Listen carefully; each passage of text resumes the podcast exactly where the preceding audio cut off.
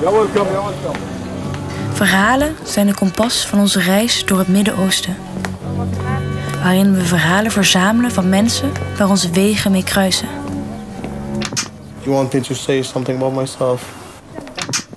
I kind of started to come in peace with it through sharing these stories. Ga met ons mee op reis.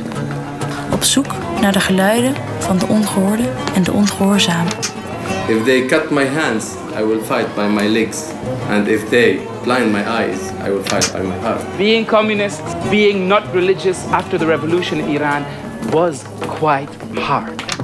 what's happening in this region that just suffers constantly over and over again. And there's just such the stories of all the wars. Onze jarenlange verwondering voor het Midden-Oosten heeft ons meerdere malen doen laten afreizen naar deze regio. De bijzondere mensen met hun duizend en één verhalen stonden in schil contrast met de geluiden die wij hoorden uit de academische wereld en de media. Ah, life. Daarom besloten wij Simone als antropoloog en Maartje als historica dit keer samen op reis te gaan. Om deze verhalen te bundelen in audioportretten. Zodat jij deze verhalen ook kan horen. En met ons mee op reis kan. They want to kill us, let them kill us. We have, we have like nine money. stupid little dictators who all think they're the dictator. Just watch The Godfather. They're just like the goddamn Italian mafia, worse. I left the country illegally. I smuggled myself outside of Iran.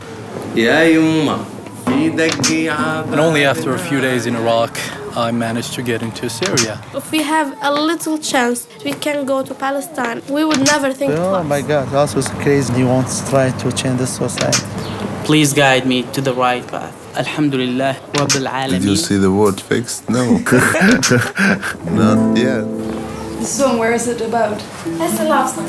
A, a little bit political. Reis met ons mee langs de verhalen die ons zijn ingefluisterd aan de grenzen van Syrië. In een Palestijns vluchtelingenkamp in Libanon. We are patient and fighting because we have this hope. We really can. Onder de kerkklokken in Beirut.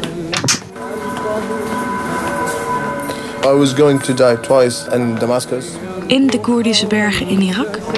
Sometimes I just say, hey, just be. This is life. This is the moment. Just be. En in underground cafés in Iran. The reason why a lot of these young people are high or drunk, they want to forget that they're living in this country. Wil je meer weten over het Midden-Oosten?